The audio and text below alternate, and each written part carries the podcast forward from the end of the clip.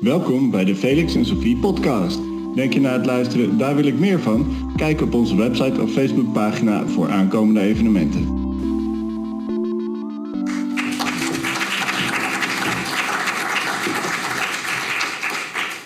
Ik wil het met u hebben over drie onderling vervlochten vragen. Voorop staat de vraag waarom het in de moderne filosofie noodzakelijk wordt geacht om op een fundamenteel niveau over tijd na te denken. Dat brengt me meteen op de tweede vraag, hoe die noodzaak samenhangt met de opkomst van de kritische filosofie en het einde van de metafysica. Wat tot slot de derde vraag oproept, of er in de moderne kritische filosofie soms een nieuwe metafysica, een metafysica van tijd, verstopt zit. Om alvast vooruit te lopen op die laatste vraag, ik zal aan de hand van Immanuel Kant, Georg Wilhelm Friedrich Hegel en William James beweren dat er wel drie metafysica's van tijd in de moderne filosofie verstopt zitten. Elke filosoof zijn eigen tijd, zo lijkt het. Alleen, wat zal blijken, is dat die niet zomaar onder één metafysische noemer te brengen zijn. Om de metafysica van tijd te problematiseren, zal ik tot slot een beroep doen op de filosoof van tijd in de 20e eeuw, de reeds genoemde Henri Bergson. Maar voordat ik begin, wil ik u vragen om aan een spons te denken. Voor wie een visueel steuntje in de rug nodig heeft. Dit is een spons. Ik laat hem hier prominent op het tafeltje liggen. Ben ik trouwens goed te verstaan? Oké. Uw spons mag er natuurlijk heel anders uitzien. En als u liever een soort immateriële spons in gedachten neemt, is het ook goed. Het enige wat ik erbij zeg, is dat deze spons alles kan absorberen. En omgekeerd, als u erin knijpt, komt alles eruit. Stelt u zich dat heel even voor.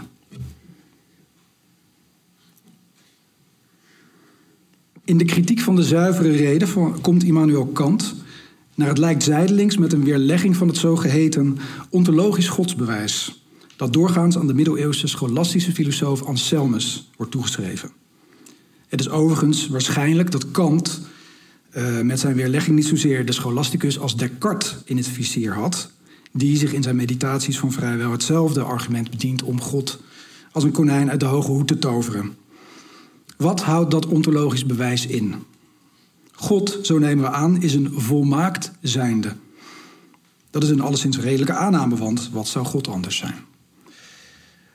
Omdat uit de definitie van zijn volmaaktheid dan volgt dat God alle mogelijke attributen toekomen, kan het niet anders of ook het predicaat bestaan komt God toe. Iets formeler gezegd, de existentie van God is in zijn essentie ingesloten. Ergo, het volmaakte zijnde God bestaat noodzakelijk. Quod erat demonstrandum. Maar dan komt Kant. Die stelt dat dit bewijs alleen opgaat als existeren, bestaan of echt zijn inderdaad een geldig predicaat is. Vergelijk de zin God is echt met zinnen als God is volmaakt of God is liefde of God is aan het kruis gestorven. Beide soorten zinnen delen weliswaar de vorm x is puntje, puntje, puntje, maar daar houdt de gelijkenis op. Het verschil dat zowel Anselmus als Descartes over het hoofd ziet, zo kunnen we met Kant zeggen, is dat het in de tweede categorie zinnen gaat om de betekenis van het onderwerp van de zin.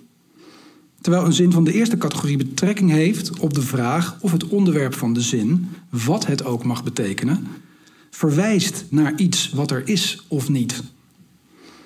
Doen we alsof bestaan in betekenis is inbegrepen, dan belanden we rechtstreeks in een cirkelredenering. Want ook al zou het predicaat bestaat echt in de betekenis van God zijn ingesloten, dan nog blijft de vraag overeind of de zin God bestaat echt ergens naar verwijst of niet. Betekenissen of predicaten zijn logische mogelijkheden, waarvan het altijd maar de vraag is of ze ook werkelijk zijn. Daarom is bestaan eigenlijk geen predicaat, maar een vraag. Wat een streep haalt door het ontologisch bewijs. Dat luidt op zijn beurt het einde van de metafysica als zodanig in. Tenminste, als we onder metafysica verstaan kennis van noodzakelijke zijnden. Zijnden dus, waarvan het bestaan in de betekenis is inbegrepen. Althans, dat is het idee. En omdat bestaan aan betekenis inherent zou zijn, zou metafysische kennis louter door het verstand kunnen worden verkregen. Vanwaar nu het einde van de metafysica? Als we vanuit een betekenis of breder genomen een logische mogelijkheid niet zonder meer de sprong naar bestaan of werkelijkheid uh, mogen maken. Als het zo is dat het verstand louter en alleen logische mogelijkheden tot zijn beschikking heeft. Als kennis betrekking heeft op wat wel en niet werkelijk is.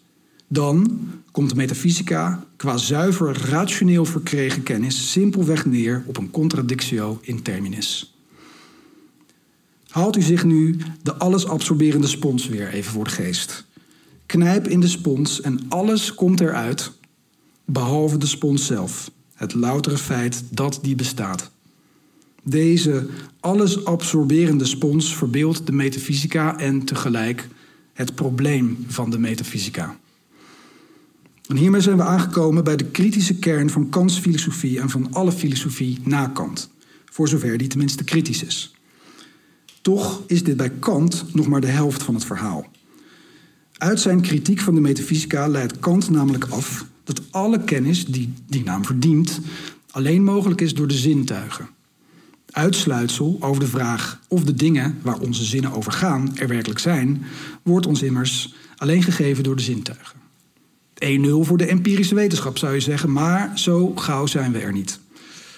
Want als alle mogelijke kennis ervaringsgebonden is, dan reiken onze generalisaties ook maar zo ver als onze ervaringen.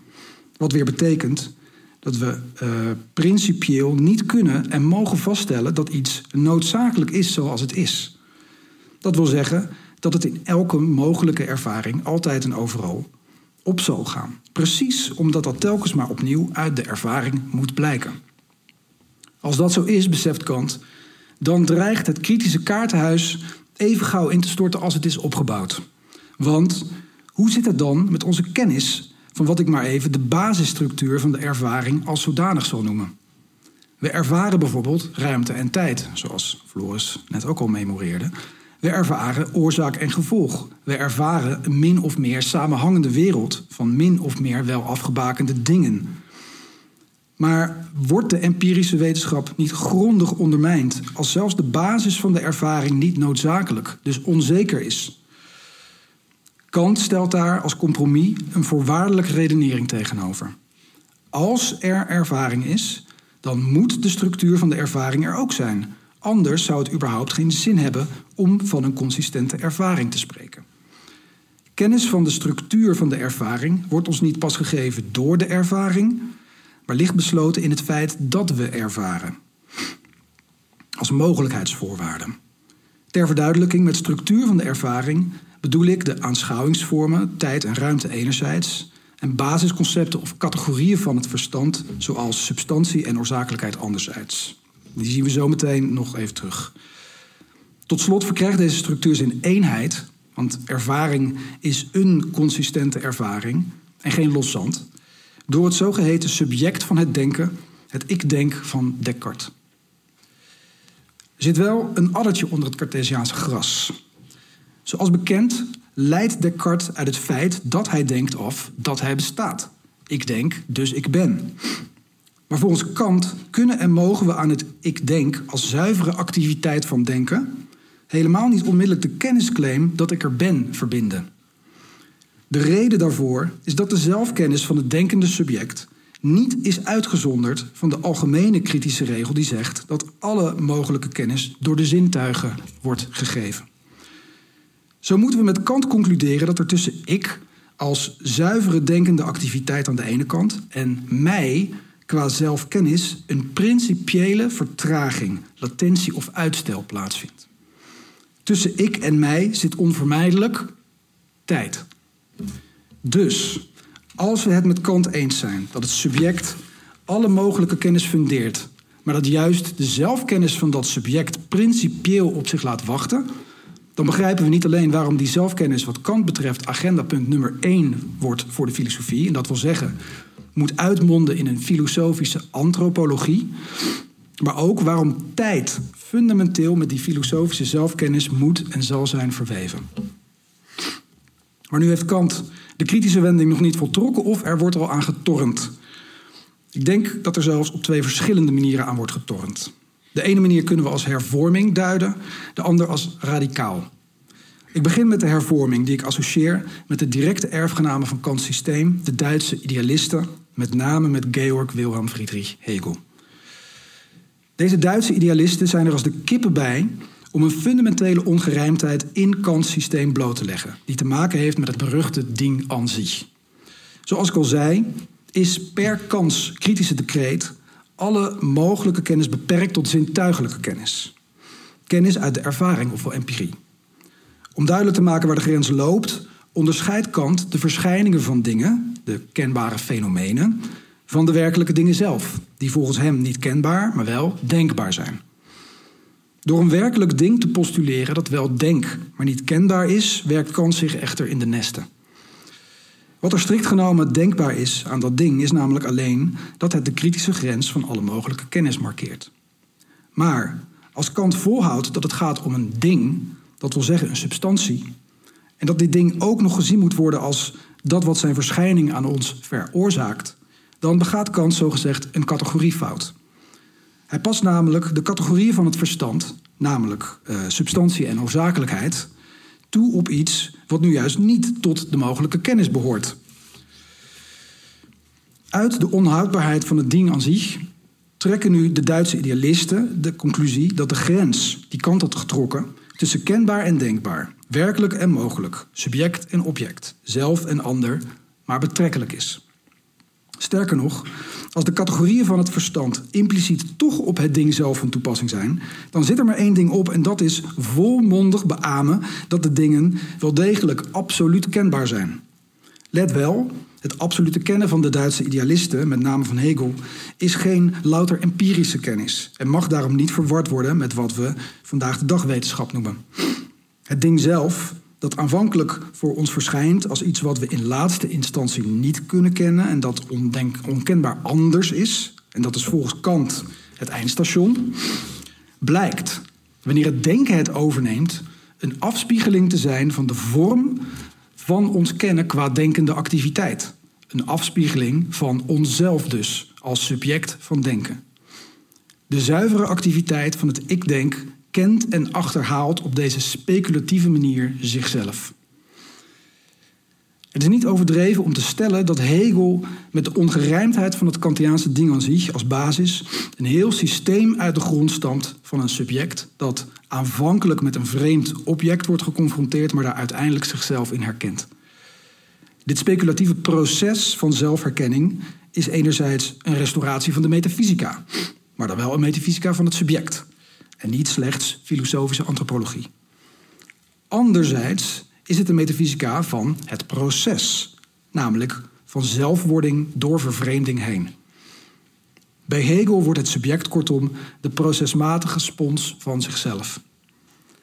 En voor zover er geen proces is zonder tijd, speelt bij Hegel en alle filosofieën die op de zijne teruggrijpen tijd heimelijk de hoofdrol. Nu wordt van het Duits idealisme vaak beweerd dat het Kants ding aan zich afschaft of opheft. Ik denk dat die bewering niet klopt, tenzij we opheffen zelf in zijn Hegeliaanse dubbelzinnigheid begrijpen, namelijk als te boven komen en bewaren in één. De Duitse idealisten leggen de ongerijmdheid in Kants systeem bloot en besluiten vervolgens dat de onkenbaarheid van het werkelijke ding zelf maar relatief is. Tot zover kan ik meegaan. Maar van afschaffen is helemaal geen sprake.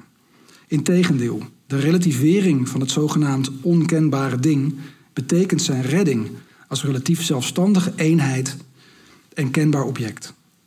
Het absolute kennen mag dan wel gepaard gaan met een metafysica van het subject als proces, maar die staat uiteindelijk in dienst van het behoud van objectiviteit als zekere grond van kenbaarheid.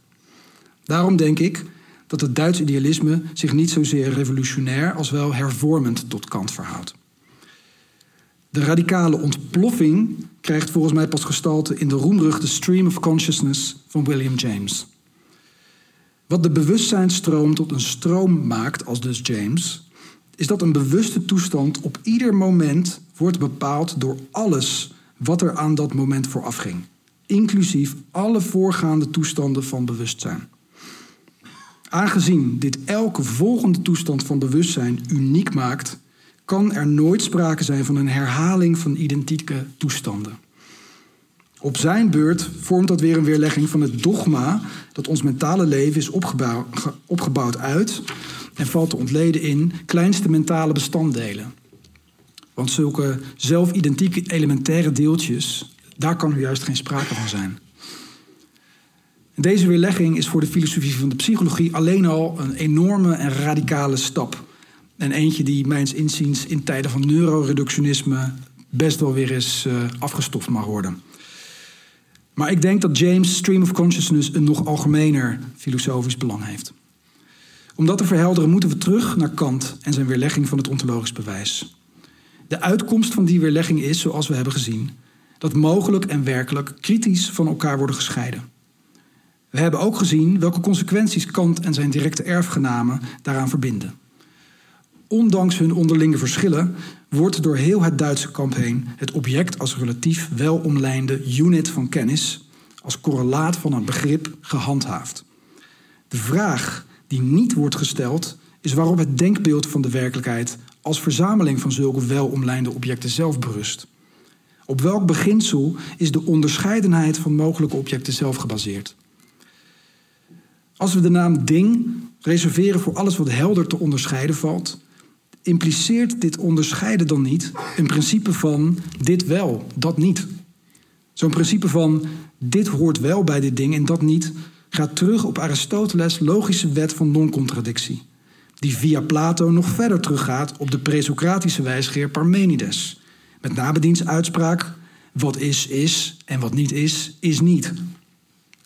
De moraal van dit verhaal is dat het principe van onderscheid en dingheid als zodanig voortkomt uit de betekenis of de zin van zijn, om met Heidegger te spreken. Het principe van onderscheid is bestaan of het werkelijke. En nu komt de filosofische catch-22. Als het werkelijke kritisch van het mogelijke is gescheiden, welk principe blijft er dan over om vol te houden dat er überhaupt sprake is van welomlijnde, discrete mogelijkheden? Het antwoord is geen. Terug nu naar James en de stream of consciousness. Wat James daarmee voor het eerst op de kaart zet, is een wereld waarin zelfstandige, stabiele objecten helemaal niet aan de orde zijn. Er zijn wel objecten, althans James noemt ze objecten, maar die zijn allemaal even vaag omlijnd, even indiscreet. Sterker nog, in de stream of consciousness gaat het ene object over in het andere object. Het ene wordt onvermijdelijk het andere. De stream of consciousness, zoals James die formuleert, is een veelvoud in de zin waarin latere Franse denkers als Deleuze, Badiou en Serre het bedoelen. Een soort wolk van mogelijkheden die hun vaste kern, hun definieerbaarheid, te ene kwijt zijn geraakt en slechts hun vorm van zuivere mogelijkheid behouden. Singulariteiten. Het heeft alleen nog maar zin om mogelijkheden voor te stellen als zo'n inconsistent veelvoud van singulariteiten die zonder wat voor wet of regel van buitenaf dan ook in elkaar overgaan. Van de ene zuivere gebeurtenis, evenement in filosofenjargon, naar de andere. En het behoeft geen betoog dat deze onstuitbare wordingen en evenementen alweer niet zonder de fundamentele hoofdrol van tijd kunnen. Ik geef toe dat ik James enig geweld aandoe door hem te interpreteren als een Franse differentiedenker af van een letter, maar mijn punt is dat hij wel degelijk een van de eerste is die de implicaties van Kants kritische wending zo radicaal doordenken. We hebben nu gezien dat tijd aan het einde van de metafysica in drie verschillende gedaanten zijn opwachting maakt. Als uitstel bij Kant, als proces bij Hegel en als veelvoud bij James. Om mijn praatje af te ronden wil ik nu de vraag opwerpen of dit een terugkeer van de metafysica als metafysica van tijd kan rechtvaardigen. Uit mijn verhaal is, hoop ik, duidelijk genoeg naar voren gekomen dat en waarom tijd een fundamentele rol in het moderne kritische denken toekomt. Betekent dit niet dat juist de kritische wending, die met alle noodzakelijke zijnden korte metten wil maken, tenminste één nieuwe noodzakelijkheid introduceert, namelijk die van tijd? En wil dit op zijn beurt niet zeggen dat de moderne filosofie naar Kant, onbewust of tegen beter weten in, een nieuwe metafysica van tijd aan het optuigen is. Daar heeft het alle schijn van. Het probleem is alleen, zoals we hebben gezien, dat er meer dan één filosofisch pregnante zin is waarin we van tijd spreken. Voor een metafysica van tijd rijst dan de vraag: hebben we het over één en dezelfde tijd met hoofdletter T? En zo ja, hoe zijn deze drie en wie weet nog wel meer aspecten van tijd dan met elkaar verbonden? Gaat het om analogieën die niet meer onder een algemenere, eensluidende noemer te brengen zijn? En stel nu dat we erin slagen om wel zo'n eensluidende betekenis van tijd te vinden, gaat daarvoor dan niet precies het bezwaar op dat Kant maakt tegen het ontologisch bewijs? Namelijk dat we uit de betekenis nog niet het bestaan mogen afleiden. En begint de hele riedel dan niet van voren af aan. Nu zult u misschien zeggen, maar Mark, je hebt zelf net een heel verhaal gehouden waarin je de verschillende betekenissen van tijd als kralen aan één ketting hebt geregen. Je kunt toch niet ontkennen dat die ketting er een samenhangend geheel van maakt? Mogen we dan niet zeggen dat de rode draad van dit verhaal, die de verschillende betekenissen van tijd met elkaar verbindt, de metafysische betekenis waarnaar we op zoek zijn impliceert, zonder die ooit hardop en definitief uit te spreken? Maar weet u wat de ironie is? Dat de betekenis van de rode draad ook weer opgevat kan worden als uitstel, als proces of als veelvoud. Zo blijven we in een kringetje ronddraaien. Het punt is volgens mij dat, zolang we hardnekkig blijven proberen deze of gene betekenis aan tijd toe te schrijven, de tijd ons ontglipt. Metafysica, dat is bestaan verwarren met betekenis. Dat is het werkelijke verstoppen in, onder of achter het mogelijke. Metafysica is de spons die alles absorbeert en waar alles uit te knijpen valt, behalve het feit van bestaan zelf. De rol van tijd in het moderne denken is volgens mij nu juist om ons een principe van werkelijkheid te geven dat zelf noodzakelijkerwijs is verstoken van betekenis. Een principe dat alleen in reflectie, dat wil zeggen retrospectief en met terugwerkende kracht, alle betekenissen in beweging brengt en houdt. Het bestaan van tijd, de tijd van bestaan, blijft zijn eigen betekenis noodzakelijkerwijs een stap voor. Dat is volgens mij wat Henri Bergson uiteindelijk met duur bedoelt. Dat is althans de antimetafysische les die ik van hem leer over tijd. Ik bedank u voor het feit dat u als sponsen mijn verhaal heeft willen absorberen en verheug me op wat eruit komt als we die spons straks uit gaan knijpen. Dank u wel.